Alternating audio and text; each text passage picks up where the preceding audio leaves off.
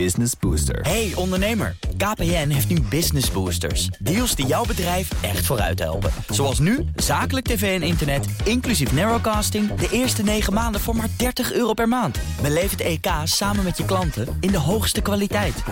Kijk op kpn.com slash businessbooster. Business Booster. BNR Nieuwsradio. BNR Bouwmeesters. Welkom bij BNR Bouwmeesters voor de bedenkers, bouwers en bewoners. De hele zomer hoor je het beste van bouwmeesters. Onderwerpen waarvan wij vinden dat je ze nog een keer mag horen. We beginnen met het onderhoud van onze bruggen, waar we hopeloos mee achterlopen. Onze gasten zijn Marco Wiesehaan, hij is van Evo Venedex, de Vereniging van Logistieke Ondernemers, en Joris Smits. Hij is bruggenexpert aan de TU Delft. Bouw in Nederland trekt met een eh, rapport van ingenieursbureau Sweco aan de bel over de financiële schade eh, die, dreigt wanneer eh, mogelijk drie bruggen zouden uitvallen. De Haringvlietbrug, de Moerdijkbrug en de Ketelbrug. Joris, jij werkt drie dagen in de week als brugontwerper bij Royal Haskoning DFV. En nog twee dagen per, week aan de TU Delft. Volgens Bouw Nederland wordt er dus te weinig geld opzij gezet voor het onderhoud van bruggen. Maar wat, wat kost het nou om een brug een beetje, beetje op peil, te houden? Kun, kun je daar iets van zeggen? Want Nou. mo- moet, er, moet er elke week even aan geschilderd worden? Of, eh, Nou, dat, lijkt mij overdreven. Ik, dat, dat lijkt mij overdreven, Paul. Ehm, wat het precies kost, kan ik je eigenlijk niet vertellen. Ik denk wel dat het over de totale levensduur van een brug, dat we het over meerdere malen de, de kostprijs, hè, de bouwprijs van een brug hebben. Als je gewoon over de hele levensduur van 100 jaar kijkt, eh, dat dat nog wel eens wordt onderschat. Dus als die gloednieuwe brug Factor- er eenmaal ligt, is dat pas het begin eigenlijk? Ja, van dan een denk ik dat je nog zeker twee, drie keer zoveel eh, kwijt bent in de loop der jaren om dat fatsoenlijk te onderhouden. Ja. Eh, maar dat geldt voor jouw huis ook. Als je dat niet op tijd schildert, dan gaan je kozijnen ook rotten. Ja. En hoe, zit het met het onderhoud van, van die bruggen? In Nederland? Ja, he- ik- he- ik- hebben die ook een APK-keuring nodig eigenlijk? Wordt, wordt dat goed bijgehouden, hoe ze eraan toe zijn? Dat, dat zou wel goed zijn als daar een APK-keuring. Ik denk dat we ook best wel eh, eh, onze overheden daar best wel verantwoordelijk mee omgaan overigens hoor. Het is natuurlijk niet zo raar dat er af en toe een brug uit ligt in een land waar 45.000 eh, kunstwerken liggen. Mhm. Ja, dat is puur statistisch gezien. komt het dan wel eens voor dat er ergens een, een, een mankement is dan een beetje Kunstwerken, jargon sorry, voor, jargon voor bruggen, natte, natte bouwwerken. Viaducten, sluizen, Ja. tunnels. Ja. Ja. Dus dat is, ehm, ja, ik, ik, ik ben ook niet zo heel somber eh, wat dat betreft. Ik denk dat onze overheden het best wel oog voor hebben. Dat ze daar ook met de eh, juiste bedoelingen aan bezig zijn. Eh, maar Maar je dat het. toch, toch de indruk dat ze het wel een beetje te ver hebben laten komen nu. Ja, dat, ik met denk dat het er de afgelopen jaren wel te weinig structureel, te weinig aandacht en geld Ja. eh, gegaan is naar het onderhoud van onze kunstwerken, van Want- onze bruggen. Ja, want eh, Marco, hoe cruciaal zijn deze drie bruggen, hè, waar, waar nu in dit rapport over gesproken wordt, hoe, eh, hoe cruciaal zijn die voor onze infrastructuur? Ja, ik denk dat, dat het goed is dat, dat we, met, we hebben met elkaar ervoor gekozen om, om deze drie bruggen als voorbeeld uit Mm. te werken van wat gebeurt er op het moment dat deze uit het infrastructurele systeem getrokken worden. Nou, de, de effecten die zijn in ieder geval qua kosten voor het bedrijfsleven aanzienlijk. Praten, eh, het voorbeeld wat gewoon echt Mm. gebeurd is, is de Merwedebrug. Hoorden we net ook eh, meneer Van Bouwend Nederland over spreken. Heeft eh, uiteindelijk het bedrijfsleven 33 miljoen euro over drie maanden gekost. Tja. De Hollandse brug bij Almere 40 miljoen euro na een half jaar buiten gebruikstelling. En het, het, de impact daarvan voor. voor Dat zijn de kosten voor het omrijden en de vertragingen. Precies. En, eh, d- ja, dat, eh, ja, ja. Voor, voor bedrijven levert dat gewoon een heleboel extra kosten op, extra manuren. En natuurlijk ook te late leveringen. En ook weer afbreuk aan vertrouwen tussen Mhm. relaties. Want als ik niet op tijd mijn spullen bij jou lever, dan denk jij, misschien kan ik het bij een ander weer beter doen. En, zo ja, zijn- en krijgen jullie wel eens meldingen van leden of van vervoerders eh, dat, er, eh, dat er iets niet in orde is met een brug? Of, of dat ze denken van nou, dit, eh, dit, dit kan nog wat worden? Wij krijgen- Houden jullie het zelf ook in de gaten, hoe, hoe die bruggen toe houden, zijn? wij onderhouden zelf natuurlijk nauw contact met de overheidsinstanties die de inspecties aan de Hmm. bruggen doen. En op het moment dat er nood aan de man is, dan worden wij heel snel geïnformeerd en betrokken om daar een oplossing voor te vinden. Maar dat is precies het punt waar we nu vandaag eigenlijk eh, onze inzet opplegen. En dat is dat we eigenlijk die planning, we willen vooruit gaan denken. Want Mhm. nu is het zo dat we twee jaar vooruit kijken als het gaat om de totale onderhoudsopgave en de programma's die de overheid Mhm. daarop zet. En nu hebben we eigenlijk met elkaar vastgesteld, het, het, het loopt nu zo achter de feiten aan. We moeten naar een integralere aanpak, een nationaal plan, renovatie en vervanging van kunstwerken die vooruitkijkt 10 tot 15 jaar. En als we dat met elkaar doen, dan kunnen we, laat maar zeggen, ook kan het bedrijfsleven beter anticiperen op wat er komen gaat. Kunnen ze hun eigen processen erop inrichten dat er een bepaalde belangrijke weg of waterweg uitvalt. En dan bouw je ook vertrouwen in de markt op van ik kan op tijd bij jou leveren. Maar de Merwedebrug was van de een op de andere dag eruit gehaald. En dat heeft zoveel impact op bedrijfsprocessen. Heel, heel kort erover nog. Hè. Die Merwedebrug, het had weinig geschild, bleek later. Of hij- hij was al zo'n beetje ingestort. Hè. Die was maar twee dagen van zijn, van zijn levensduur eh, einde af. eh, had- had- was er een rapport van. Dat zal in de praktijk dan wel weer meevallen. Maar is er, is er zo'n risico? Ik, ik zie ook weer voor me hoe die, die brug in, in Genua, Italië, instortte. Ja. Dat is al bijna een jaar geleden weer. Ja. Maar eh, lopen we dat soort risico's? Of is het alleen maar een, een kwestie Nou, van eh, ik- opstoppingen en omrijden? Ik zelf heb, en dat geldt eh, net voor mijn buurman, ik heb heel veel vertrouwen in onze eigen overheid en de wijze waarop de verschillende wegbeheerders omgaan met hun kunstwerken. Daarover geen misverstand. Maar we moeten wel echt heel goed met elkaar uitkijken dat we niet op basis van alleen kosten ervoor kiezen om onderhoud op onderhoud uit te stellen. En dat is wat we de afgelopen jaren wel gedaan hebben, waardoor dat risico steeds dichterbij komt. Nu was de analyse van de Merwedebrug op zes dagen na zou die eh, ingestort zijn.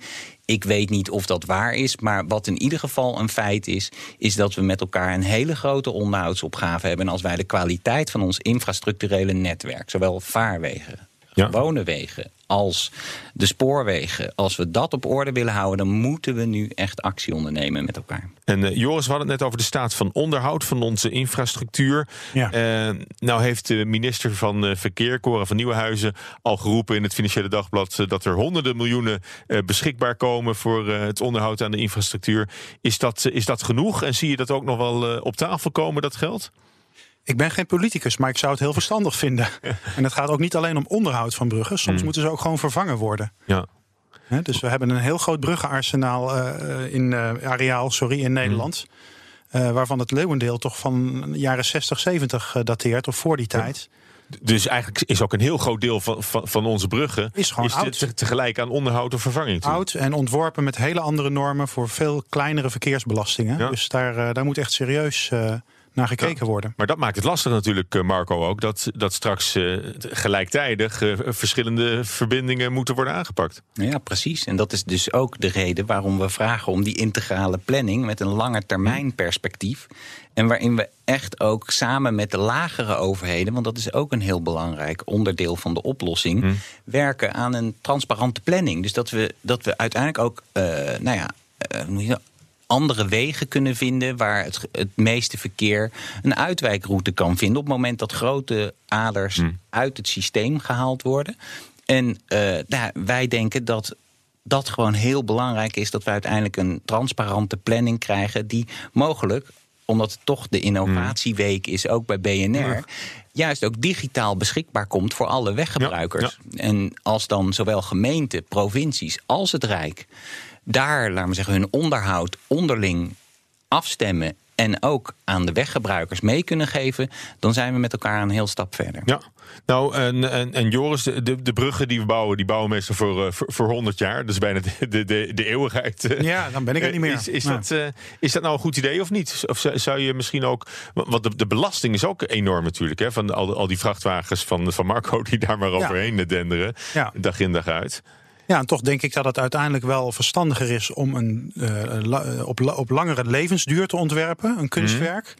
Hè, dus dat je, dat je wat, wat eh, marge inbouwt, dat je vergevingsgezind ontwerpt, laat ik maar zeggen. Ja. Dat je, dat je weet dat die over eh, 50 jaar, als, de, als er eens wat zwaardere verkeer overheen zou gaan, nog steeds de fundering in staat is om dat allemaal te dragen. Dat zag je bijvoorbeeld bij de Oude Moerdijkbrug heel mooi terug. De Oude Moerdijkbrug in de jaren 70, eh, die, is, die is vervangen. Hè? Dat was zo'n stalen vakwerkbrug. Elders hergebruikt. En de funderingen, daar ligt nu de nieuwe Moerdijkbrug op. Oké, die kon er nog prima mee. Die kon nog prima mee. Dus dat, was, dat was een vergevingsgezind ontwerp, zoals we dat noemen. Ja. Ja. Eh, Want, eh, je bent eh, gepromoveerd, hè? Nog, niet zo lang geleden op het ontwerp. vorige van, maand, Ja. Oh, vorige maand zelfs. Nou, ja. En je pleit voor een integrale rol van, van de architect. In de ideale situatie moeten alle partijen met elkaar samenwerken bij ontwerp en bouw van een brug. Maar in de praktijk gaat dat nog wel eens. eh, Langs elkaar heen. Langs elkaar ja, En in allerlei kleine stukjes opgeknipt. Eh, dus het is er niet makkelijker op geworden. maar is dat, is dat makkelijk te verhelpen? Dat is, eh, dat is zeker te verhelpen. Op het moment dat je als overheid de, dat erkent dat je daar je verantwoordelijkheid in moet nemen. Hmm. En dat je iemand aanstelt, dat kan een architect zijn, dat kan ook een, go- een goed begenadigd constructeur zijn. Die het hele proces van A tot Z eigenlijk regisseert. Want dat is wat we nu missen. Ja. We doen steeds een klein stukje van de puzzel en dan dragen we het over aan de volgende partij. Maar er is niemand meer die het totaal overzicht heeft van het ontwerpen van een, van een brug. Ja, ja. Waardoor het heel moeilijk is om zeg maar, iets goeds te ontwerpen. wat ook Ja. op een goede, zorgvuldige manier is ingepast. En dat is dan voor, voor, voor nieuw te bouwen bruggen. Maar Ja. geldt het eigenlijk ook in, in mindere mate misschien voor, eh, voor onderhoud van bruggen? Dat zou ik, niet, eh, zou ik je niet durven te zeggen. Nee. En in, trouwens, in je, in je onderzoek eh, kom je ook uit bij de Romeinse bruggenbouwer Ja. eh, Vitruvius. Ja. Die wil de functie verbinden met schoonheid en gebruiksvriendelijkheid. Ja. En de- de- dus misschien dat hij ook al landschapsarchitect erbij betrok. Zoals Ja, nou, dat had hij niet nodig, want hij was, hij was bouwmeester. Ja. mooie, mooie titel dus eigenlijk. hij, hij verenigde in zich zeg maar, al die functies Al die die functies in één persoon. Hij was de bouwmeester van Julius Caesar. En hij zorgde ervoor dat er een goede balans was tussen de schoonheid, eh, de functionaliteit, het nut, maar ook de Hm. degelijkheid van zijn gebouwen. Eh, Hij maakte gebouwen, geen bruggen. Ja. Ehm, maar hij had dat heel goed door, dat een Ja. brug eigenlijk, of een bouwwerk eigenlijk weinig waarde heeft op het moment dat het foei lelijk is.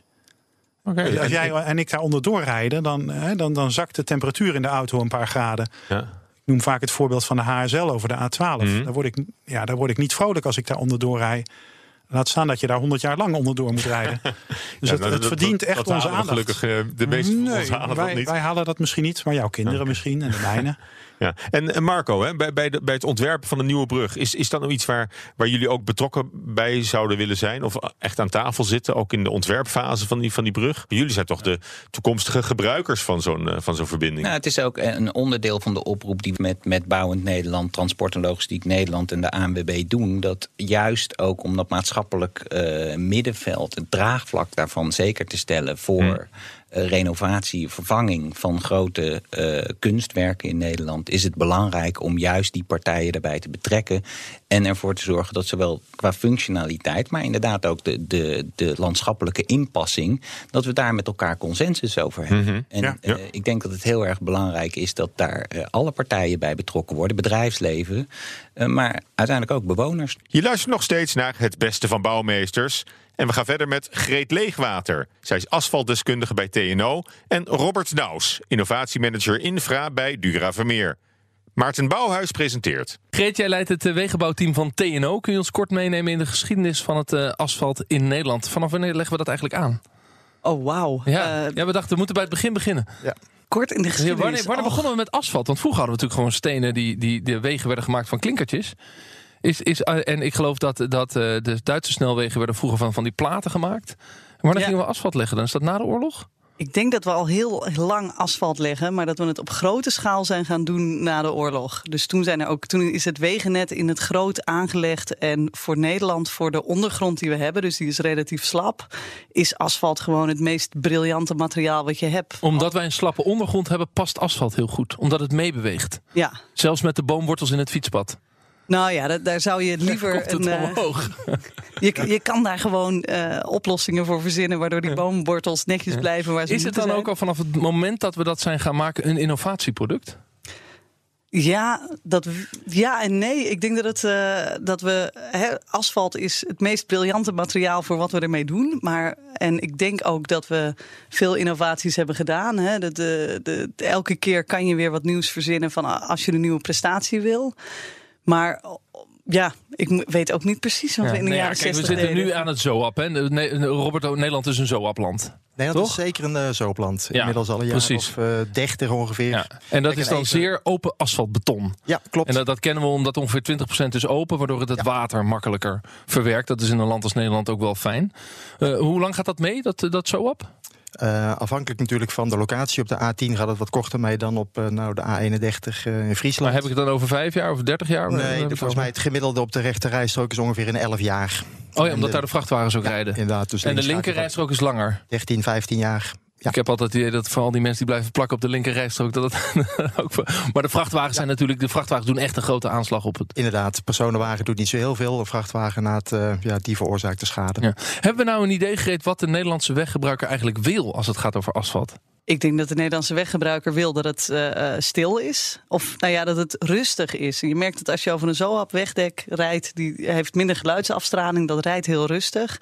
Als het dan regent, dan blijft het rustig.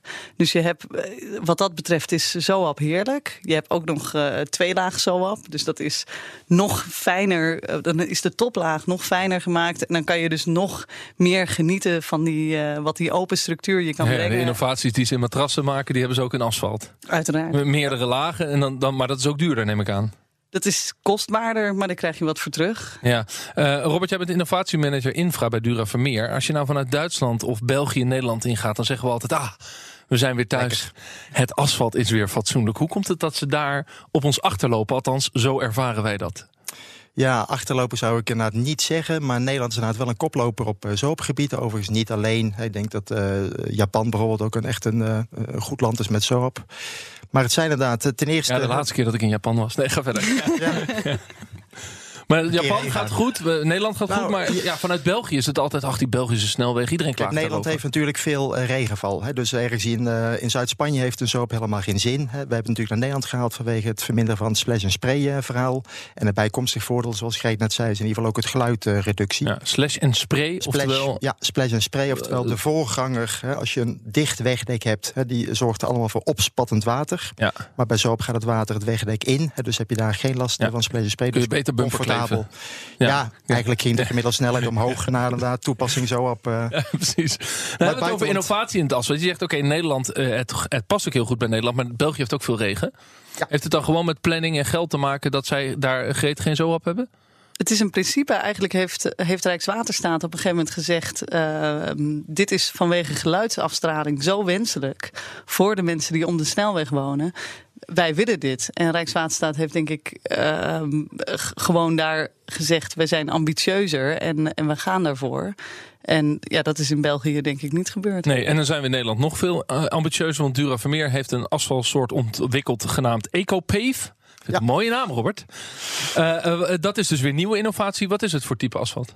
Ja, de EcoPave XL, waarbij de XL staat voor extra lange levensduur, zorgt dus voor een minimale verdubbeling van de levensduur eh, van asfalt. Of van die eh, 10 jaar op de rechterrijbaan voor de Ja. vrachtwagens naar 20 jaar. Ja, dat is inderdaad eh, het streven. Het ervaring hebben we nog niet zo lang, dus het moet eh, blijken, hè, zowel uit En hoe heb je dat laboratoriumonderzoek. gedaan dan?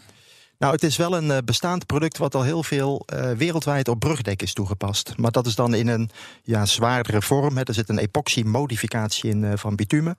Op brugdek heb je daar een zwaardere epoxy-modificatie. In de wegenbouw hebben we hem iets verdund, hè, waardoor het kost, ja, wat kostenefficiënter Ja. wordt. Nou ja, voor de technische luisteraars onder ons. Bitumen zit er altijd een beetje, is een, een, Ja. een puur olieproduct hè? Van, van ruwe olie. Zit er altijd een beetje in asfalt. Ja, Maar klopt. nu heb je er een epoxy bij. Dus een ander type bitumen wordt er Ja, gebruikt. we hebben dus het bitumen, we noemen dat dan even modificeren. Dus normaal doen we dat ook wel eens op snelwegen, waar Greet net de twee laag soap noemde. Er zit een polymeermodificatie in. Dit is inderdaad vergelijkbaar met dan een epoxymodificatie. Dus het blijft inderdaad voornamelijk bitumen, maar we hebben inderdaad iets dan eh, verbeterde eigenschappen aangegeven, waardoor nou, de veroudering eh, wat minder is. En daardoor dus een langere levensduur eh, Ja, krijgen. dus heb je een langere levensduur. Dat betekent dat het gewoon economisch een beter product is. Klopt. Maar het is ook duurder om te maken. Het is duurder bij aanleg, maar toch met een langere levensduur krijg je lagere lifecycle kosten. Dus toch in totaal inderdaad eh, interessanter. Ja, Rijkswaterstaat ontwikkelt ook de ultrastille weg. Ja. Die moet er in 2020 komen. Gereed, hebben we dan dit asfalt nodig? Nou ja, dus we hebben, hebben al twee laag SOAP, wat al een slag stiller is. En nu willen we eigenlijk nog een slag stiller. Van we, hebben, we, we kunnen daar nog een slag maken. Waarom is dat eigenlijk zo belangrijk? Eh, voor omwonenden. We hebben gezegd dat eh, de geluidsdruk op de gevels niet mag toenemen. En we proberen dat, dat kan je dus door geluidsschermen doen. Maar je kan dat ook doen door eh, wegdekken toe te passen die stil zijn. En, het hoeft- geluid wordt gemaakt door de banden, niet zozeer door de motoren tegenwoordig. Ja, mijn auto is elektrisch, dus het is alleen maar de banden. Nou ja, het is sowieso inderdaad, eh, de banden eh, zijn het grootste component, zeker bij die hoge snelheden.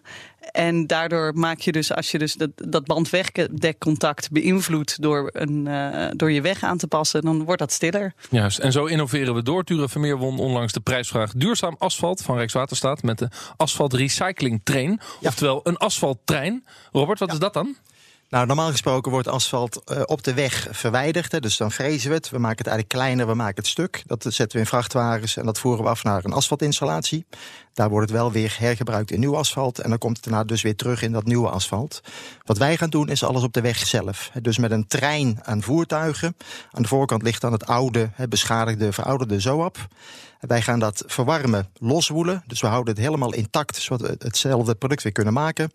En dan uh, verwarmen we het. Aan de achterkant leggen het weer neer. Dus aan de voorkant hebben we een oude, beschadigde zoap. En aan de achterkant van onze trein. En dan drie uurtjes later wordt, ja. het nieuw, wordt, het, ja. wordt het oude wegdek op de weg gelegd in vorm van nieuw asfalt. Ja, nog veel sneller. We rijden met, rijdt dit al of is het een experiment? Nee, het rijdt in het buitenland is het al wel uh, aangetoond en toegepast. Maar in Nederland inderdaad uh, nog niet. Ja, Greet, je bent samen met Robert betrokken bij het Asfalt Impulsprogramma. Gestart in 2018, duurt vijf jaar tot 2023. Dus een programma voor en door de asfaltsector om de levensduur, duurzaamheid en innovatie binnen die sector te bevorderen. Wat wil je in vijf jaar bereikt hebben? Nou, dat we willen bereiken dat we zulke innovaties uh, als waar Dura Vermeer mee bezig is, dat we die veel ja, veel duidelijker aan kunnen tonen. Dus het is super mooi dat er dit soort asfalten ontwikkeld worden. Hè? Die, die, die verdubbeling van een levensduur is. Ja, zoals die Eco PVXL, dat dat gemaakt wordt, is fantastisch. Ja. Maar dan is de vraag: hoe breng je dit naar de markt? Of hoe zorg je dat het bekend wordt? Nou, um, He, wat uh, wat uh, Robert al zei, is uh, we hebben het nog niet zo lang. Dus we hebben nog niet aan kunnen tonen dat het daadwerkelijk die twee keer zo lange levensduur heeft. En we hebben op dit moment ook niet geweldige proeven om uh, versneld te verouderen. Waardoor we heel goed aan kunnen tonen dat het asfalt wat ik nu hier maak, inderdaad langer mee kan gaan. Dus we zijn ook in dat asfaltimpulsproject zijn we bezig met een framework om levensduurvoorspellingen te maken van wegen die we nog nooit hebben gemaakt. Hoe doe je dat dan? Nou, door uh, kunstmatig te ver verouderen. Het is een theoriemodel waar proeven een rol in kunnen spelen. Dus wij denken, hè, veroudering is heel belangrijk. Dus versneld verouderen. Nou, dan kan je een temperatuur omhoog, dan kan je meer zuurstof toevoegen. En dan kan je op die manier uh, de veroudering die in de praktijk in tien jaar plaatsvindt, in het lab in een paar weken ja, doen. Een levensduurvoorspellend model. Ja. En zoals elke week is er ook deze week gelukkig weer de BNR Bouw Expo. Gelukkig. Bij mij in de studio redacteur Judith Lane. Um, we zijn alweer bij het sluitstuk van de uitzending, namelijk die Bouw Expo. Uh, Judith, uh, waar gaan we het over hebben? Uh, over Paleis het Loo, want dat wordt hevig verbouwd. En daar wilde ik dan een tijdje over hebben, omdat ze wel speciale dingen gedaan hebben. Eerst nog even dit. ze zijn al eventjes bezig met die verbouwing. In januari 2018 ging dat paleis dus helemaal dicht. Dus je kan er niet meer in. Ze hebben ook alles eruit gehaald en verplaatst. En uh, over twee jaar gaat het pas weer open, halverwege 2021. Uh, zoals bij elk bouwproject moet er ook archeologisch onderzoek gedaan uh, worden. Dat is ook gebeurd, hebben ze wat leuke dingen gevonden. Zoals een Romeinse munt, een fundering van een 17e eeuwse fontein. Ze hebben ook een 17e eeuwse tuin daar. En aardewerk van 4000 jaar oud. Dat is wel cool. Dat hebben ze allemaal gevonden onder het voorplein. Dat heet de Bassecour. Uh, want daar komt dus een nieuw ondergronds gebouw. waar ze ook hedendaagse kunst willen tentoonstellen. Dus dat hebben ze helemaal uitgegraven. Um, en hebben ze een speciale ankerconstructie gebruikt. om wanden te plaatsen. om te voorkomen dat dus niks zou gaan schuiven tijdens het graafwerk. Ja, dat moet nogal een project zijn als je met Paleis het Loo aan de slag gaat. Ja. ja. En er komt dus een speciale tijdelijke fundering. Ja, klopt. Moet, je moet het dus zo voorstellen. Er komt dus een heel groot trappenhuis. Daarmee kan je dus afdalen naar het nieuwe entree. Uh, en om die put te graven moeten ze dus dat paleis stutten. Dus dat is ook die wanden waar, waar ik net over had. En uh, dus hebben ze een tijdelijke fundering geplaatst. Want ja, als je dat gaf uh, graf. Als je dat gat graaft. ja. Ik keek een beetje te ver vooruit. Als je dat gat dus graaft uh, en je stut de boel niet, dan zakt dat gebouw in. Dat is niet de bedoeling. Um, en dat hebben ze dus met uh, hydraulische cilinders gedaan, die fundering. En die gebruiken ze dus in de bouw bij het verplaatsen van zware objecten. En die kun je dan ergens onder zitten Ja. zetten en die kunnen een beetje uitschuiven. Eh, want ja, je moet ook de rekening houden met de krachten van zo'n gebouw. Eh, en dat was dus die tijdelijke fundering. Dus Ja. die staat er nu nog steeds, omdat ze nu het diepste punt hebben bereikt in die put. En ze hebben zelfs duikers gebruikt, eh, Judith, bij de bouw. Ja, dat zag ik. En toen dacht ik, hé, hey, dat is cool. Dat had ik nog niet eerder gezien. Maar goed, dat zal vast vaker voorkomen. Want ze hebben dat voorplein dus uitgegraven. Dat werd dus een groot gat. Dat hebben ze vol laten lopen met water om ondergronds beton te storten. En dan kun je je voorstellen van je wil wel weten hoe het onder water ook zit voordat je dat beton gaat storten. En dat hebben ze dus met duikers onderzocht. Dat is vrij normaal, of we- eh, Greet? Heel normaal. Heel, Heel normaal. normaal. Gewoon hup, duikers erin. En die doen lekker mee en die gaan controleren of het goed, of het goed lukt. Ja, nou ja, dus onderwaterbeton is voor, voor Nederland, ons natte land, echt wel iets wat je, wat je nodig hebt. Daar zijn wij goed in Daar zelfs. zijn wij goed in. En volgens mij kan je ook echt goed geld verdienen als je in dit soort dingen ook wil duiken. En met die woordgrap sluiten we deze uitzending af. Volgende keer in het beste van bouwmeesters: veiligheid. Niet alleen belangrijk op de bouwplaats, maar ook in de constructie. Deze uitzending is natuurlijk terug te luisteren via de BNR-app, bnr.nl, Spotify of iTunes. Tot volgende week. BNR Bouwmeesters wordt mede mogelijk gemaakt door Bouwend Nederland. De bouw maakt het. Business Booster. Hey ondernemer, KPN heeft nu Business Boosters. Deals die jouw bedrijf echt vooruit helpen. Zoals nu, zakelijk tv en internet, inclusief narrowcasting... de eerste 9 maanden voor maar 30 euro per maand. Beleef het EK samen met je klanten in de hoogste kwaliteit. Kijk op kpn.com slash businessbooster. Business Booster.